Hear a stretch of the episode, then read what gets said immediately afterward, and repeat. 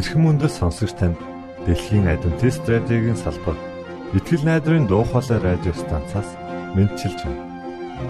Сонсогч танд хүргэх маань нэвтрүүлэг өдөр бүр Улаанбаатарын цагаар 19 цаг 30 минутаас 20 цагийн хооронд 17730 кГц үйлсэлээр 16 метрийн долгионоор цацагдж байна.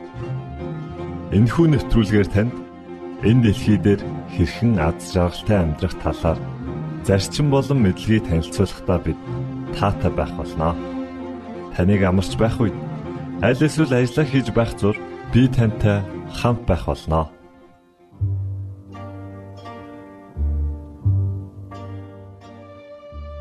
Өнөөдрийн хөтөлбөр боловсрал нэвтрүүлгийн түүхэн хүмүүс зурлаар эхлэх болно. За харин үүний дараа Таны нэр мөнхөд ариун дуг танд төлөвлөж байна. Үргэлжлүүлээд Есүсийн амьдрал хэмээх гайхалтай номыг танд аудио хэлбэрээр хүргэж буйлаа. Ингээд та нэвтрүүлгүүдэд хүлээн авна уу?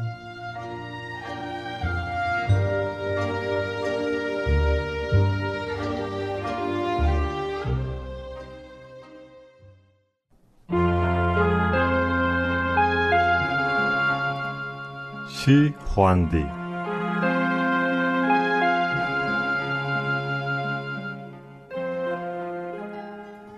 Бүх хэттийг нэгтгэсэн дарангуйлагч хаан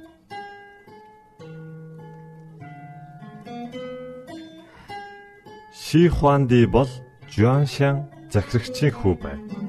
Тухайн цаг үед хятад өөр хоорондоо тасралтгүй дайцсан олон жилиг олон жижиг улсуудад задарсан байсан бөгөөд тэдгээрээс баруун нутгийн чин улс хамгийн хүчрхгэн байсан. Ши Хуандыг гэр бүлийнх нь гэж нэрлэдэг ажээ.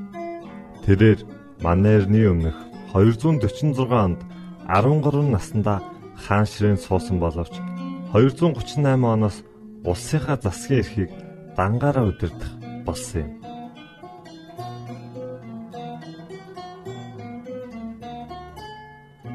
Манерны өмнөх 228-аас 21 оны хооронд тэрээр цус дайныг явуулж улсынхаа газар нутгийг тэлв. Мөн өнгөрсөн үеэсээ бүр мөсөн салахын тулд тэрээр Ши Хуан Ди буюу Европоор Цезар гэсэн үгтэй утга нэг нэрээр өөрийгөө өрөмжлөлөө. Ши Хуан Ди хаан ширээн суусан эхний үедээ л өөртөө бунхан бариулж эхэлсэн бөгөөд 1974 онд түүний бунхны ойролцоо шавар айрам олдсон ажээ. Ши Хуанди олон шинжлэлийг удирдах явуулсан билээ.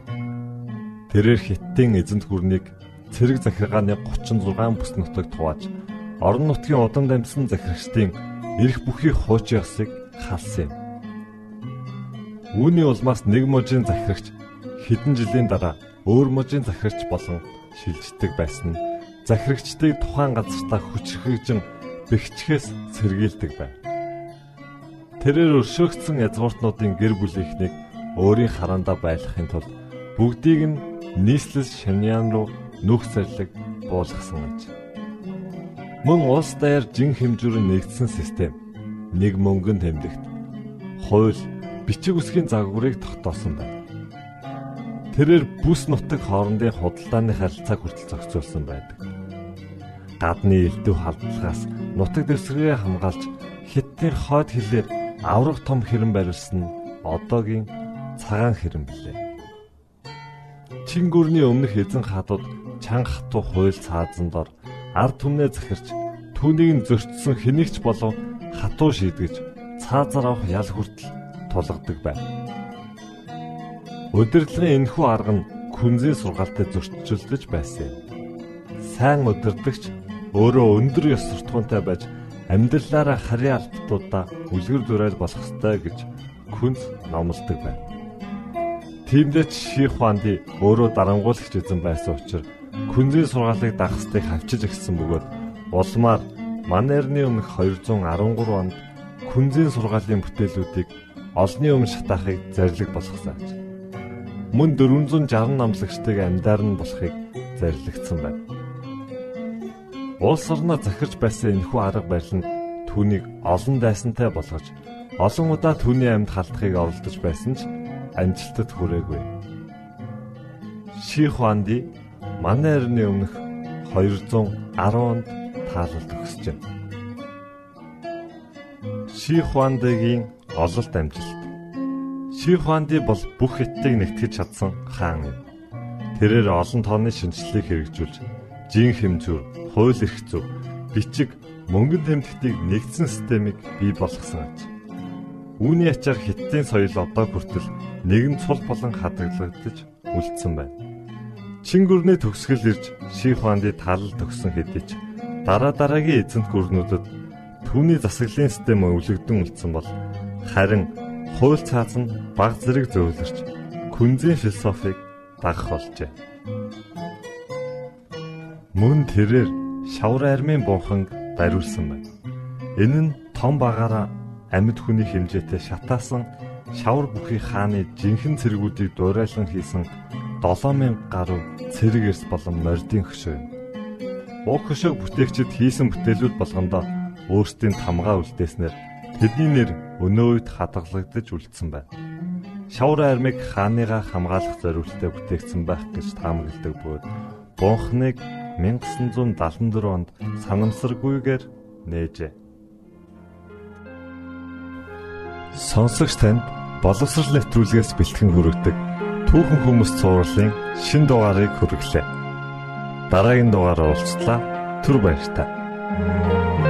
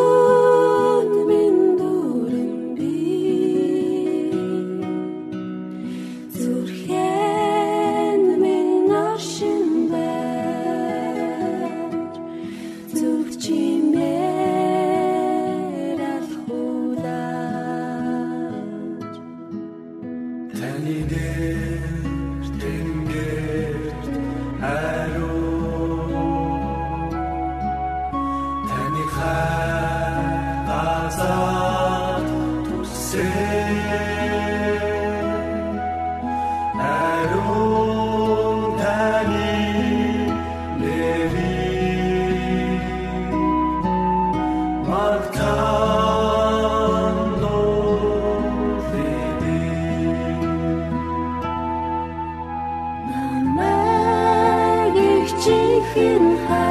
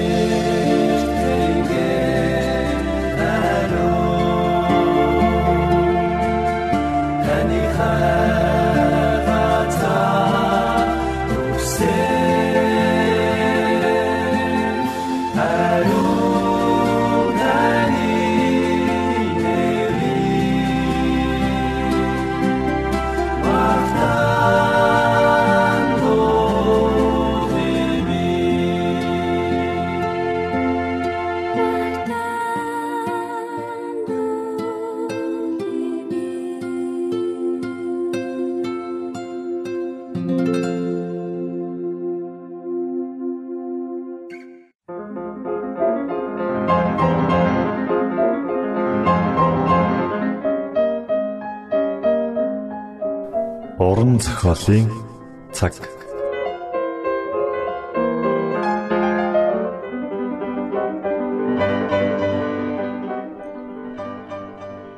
Йосеф Мари хоёр хүү Есүсээ хууль заасан ёсоор тахилчид авчирлаа. Эцэг эхчүүд хүүхдүүдээ өдөр бүр дуган даваачдаг байсан. Сүмийн тахилч Йосеф Мари хоёрыг бусад эцэг эхчүүдээс ялгахгүйгээр харьцаж байв. Учир нь тэр хоёр бусдын адил эгэл жирийн хүмүүс байлаа. Тахилч бяцхан Есүсийг ч бусад нэлэх хүүхдүүдийн адил гэж бодож байсан. Тэрээр Тэнгэрийн хариун сүмийн тэргүүн тахилч бөгөөд энэ дэлхийн аврагчийг тэрвэрч байгаагаа анзаараагүй. Хэрв тэр Бурхны үгийг дагаж байсан бол эзэн энэ бүхнийг заан сургаж хэнийг гар дээрээ өргөж байгааг нь мэдрүүлэх байв. Энэ үед Бурхны үнэн ч үйлчлэгчд болох Симеон Ана нар сүмд байлаа. Тэр хоёр Бурханд өтөл болтлоо үйлчлэлээр ирсэн билээ. Бурхан бардам ихэмсэг хуваа хичээх сүмийн тахилчид үзүүлээгүй зүйлсээ тэр хоёр настанд харуулсан. Бурхан Симеонд энэ дэлхийн аврагчийг харах хүртэл чи нүд анихгүй гэж амласан гэжээ. Тэрээр Есүсийг харангуйта энэ бол амлагдсан нэгэн хэмээн таньжээ. Диважингийн зөөлөн гэрэл Есүсийн царайг гэрэлтүүлж байлаа. Сима хүүг тэрэн бурхан талархал өргөв. Тэрээр Эзэн та өөрийн үгийн дагуу боол намаагаа амар тайван явуултах бай. Учир нь миний нүд таны авралыг харлаа. Та үүнийг бүх ард түмний өмнө бэлдсэн билээ. Энэ нь харь өмсдөнд илчлэлийн гэрэл таны ард түмэн болох Израилийн алдар нь болоо гэж хэлв. Анна бол иш үзүүлэгч эмэгтэй. Энэ мөчөд Анна хурж ирээд бурхан талархал өргөн Иерусалимын золилтыг хүлээж байсан бүхэнд Түүний тухай үргэлжлүүлэн ирэв. Бурхан даруй төлөв хүмүүсийг өөрийн гэрч болгон сонгодог. Бурхан энэ дэлхийн хувьд агуу тооцогддог бүхнийг үл ойшоодог гэж. Учир нь тэд Бурханыг үл хүндэтгэн түүний үйлчлэлийн талаар боддгүй ягаад зөвхөн өөрсдийнхөө төлөө үйлчилж өөрсдийгөө өргөмжилдэг. Иймээс Бурхан тэднийг өөрийн хайр өршөөлийн талаар бусдад хэлүүлэхээр сонгох боломжгүй болсон. Есүсийн эх Мария Симоны иш үзүүлэн зөгнснийг тунгаамдсаар байв. Мария бяцхан хүүгээ хараад Бэтлехемийн хончтын хэлсэн үгсийг санан баяр хөөр итгэл найдвараар дүүрсэн. Симеоны хэлсэн үгс иш үзүүлэгч Исаягийн зөгнөлийг Мариад сануулжээ. Эдгээр зөгнөлийн гайхалтай үгс Есүсийг зөгнөснийг ойлгов. Учир нь бидний төлөө хүүхэд төрж бидэнд хөө өгөгдөнө. Засаглал түүний мөрөн дээр байх болно. Түүний нэрийг гайхамшигт зөвлөгч хүчит бурхан мөнхийн эцэг инхийн жонон гэж дуудана. Мэргэдийн айлчлал. Бурхан Христ энэ дэлхийд ирэх болно гэдгийг мэдүүлэхийг хүсэж байсан. Сүмийн тахилчид аврагчийн талаар хүмүүс заах ёстой байтал өөртөө энэ талаар мэдэхгүй байжээ. Тиймээс бурхан Тэнгэр элч нараа хончтод илгээж Христ мэндэлсэн мэдээг болон түүний хаанаас олж болохыг хэлж өгчээ. Есүсийн аав ээж нь хүүгээс хүнд аваачхад зарим хүмүүс Есүсийг аврагчаа хэмээн хүлээн авсан билээ. Бурхан Симеон болон Аннаг амлагдсан аврагч Месиа бол Есүс болохыг баяр хөөртэйгээр хуваалцаасаа хэмээн урт наслуулсан. Бурхан энэ дэлхийд Христ ирснийг еврейчүүд болон бусад хүмүүст мэдүүлэхийг хүссэн. Тиймээс Алс дорндод мэрэгэн хүмүүс аврагч Месаягийн талаарх иш үзүүлэлтийг судалжээ. Тэд аврагч удахгүй ирнэ гэдэгт итгэв. Гэтэл еврейчүүд эдгээр мэрэгдийг харин хүмүүс гэж үзсэн боловч мэрэгд хоромчтой шүтдэггүй хүмүүс байв. Мэрэгд бурхны хүслийг үлдэж үннийг мэдхийг хүсдэг шудраг хүмүүс байжээ. Бурхан хүний зүрх сэтгэлийг мэддэг. Тиймээс тэрээр эдгээр хүмүүст итгэж болно гэдгийг мэдэж байсан. Мэргэд хуваа хичээсэн бардам сүмийн тахилч нараас илүү тэнгэрийн гэрлийг хүлээн авах зүрх сэтгэлтэй байлаа. Мэргэд гүн ухаан судалдаг байв. Тэд байглаас Бурхны ур бүтээлийг судлан үзээд түүнийг хэрхэн хайрлаж хүндлэхийг суралцсан. Тэд шөнийн тэнгэрийн гайхамшигыг судлах туртай байсан. Тэд шинэ од олж харуул ямар нэгэн агуу үйл явдал болох гэж байна гэж боддог байжээ. Бэтлехемийн хончид тэнгэрлэгч нар үзэгдсэн тэр шөнө мэрэгд тэнгэр содон гэрэл гарахыг анзаарчээ. Энэ гэрэл тэнгэрлэгч нарыг хүрээлдэг сүр жавхлангийн гэрэл байв. Энэхүү гэрэлд замхан алга болох үе тэнгэрт нэгэн шин од бий болсныг мэрэгд харсан. Тэд эртний нэгэн зөгнөл болох Яаковаас од гарч ирэн Израилаас очир таях босно гэдгийг санджээ. Энэхүү од аврагч Месэ ирснийг бэлэгдэж байв.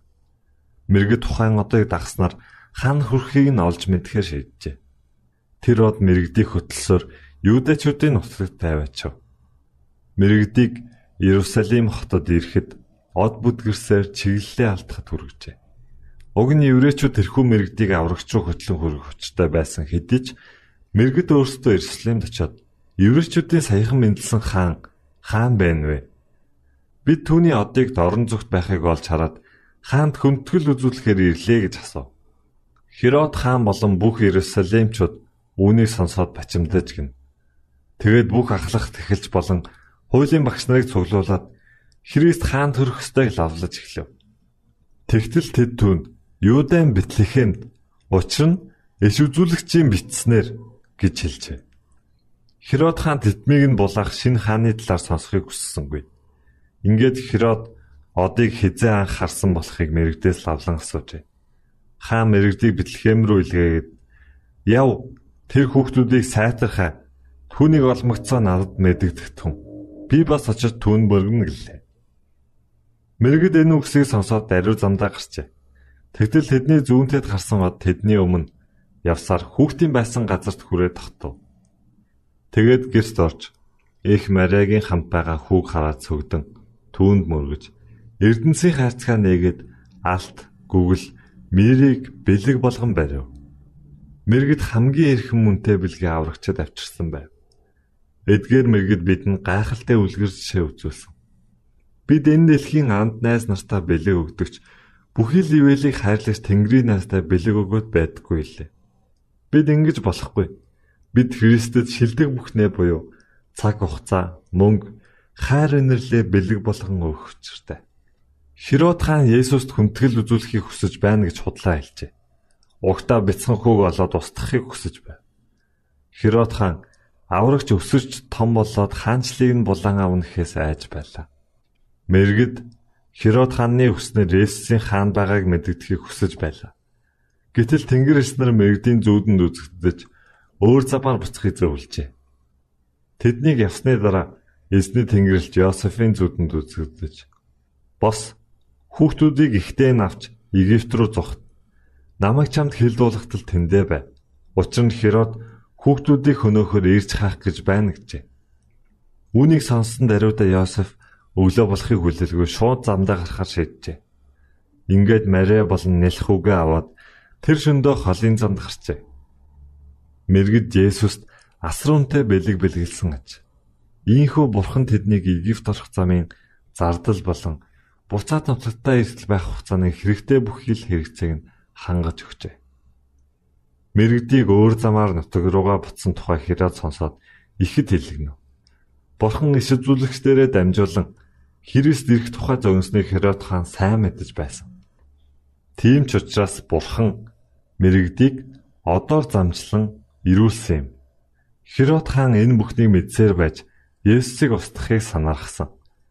Уур хилэндээ автсан хаан Бэтлехэм болон түүний ойр орчимд хоёр болоод түүнээс доош насны эр хүүстэй бүх хүүхдийг хөнөөлөхөөр цэргүүдээ илгээсэн. Хүн бурхныг эсэргүүцэн тэмцэлтэн гэдэг үнэхээр хачирхалтай юм ямар ч гин буруугүй олон хүүхдийн амьд хүрнэ гэдэг ямар жигшүүртэй хэрэг байсан бол Херод үүнээс өмнө олон бузар зүйл үлдэж байсан. Тиймээс түүний бузармуу амьдрал удахгүй эцс болох нь дамжиггүй. Тэрээр жигшүүрт өглөөр амиа алдсан юм.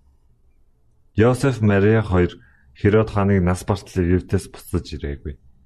Тэнгэрлэгч Йосеф дээр ирж бос хүүг ихийг нь хамт авч Израиль нутагт очив хүүхдийн амийг хаагчид өгсөн гэв. Йосеф Есүсийн төрсэн газар болох Бэтлехэм суурьшихаар төлөвлөж байсан ч Юудэ нутаг руу ойртох үедээ Херод хааны хүү хаанчилж байгааг олж мэджээ. Үүнийг мэдсэн Йосеф өөрөө ирэхгүй айдас давтаж хаан амьдрахаа мэдэхгүй төрөв. Бурхан Йосеф туслахын тулд Тэнгэрлэгчээ илгээж юу хийх ёстойг нь зааж өгчээ. Йосеф Тэнгэрлэгчийн үгийг дагаж өмнө нь амьдарч байсан Назарта буцсан очив. Та уран зохиолын цаг навтруулыг бүлээн авч сонслоо. Дараагийн дугаараар уулзтлаа. Түр баярлалаа.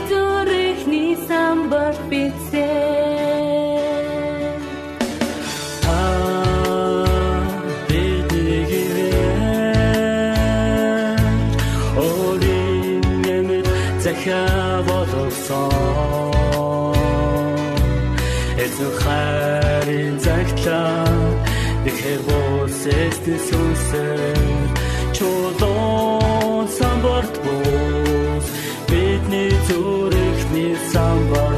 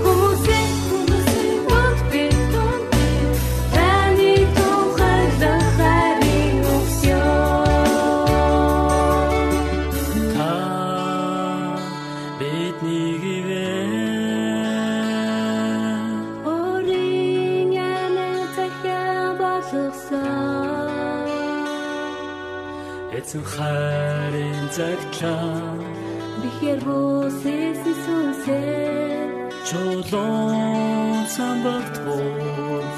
Бидний зүрхний самбарт эцээ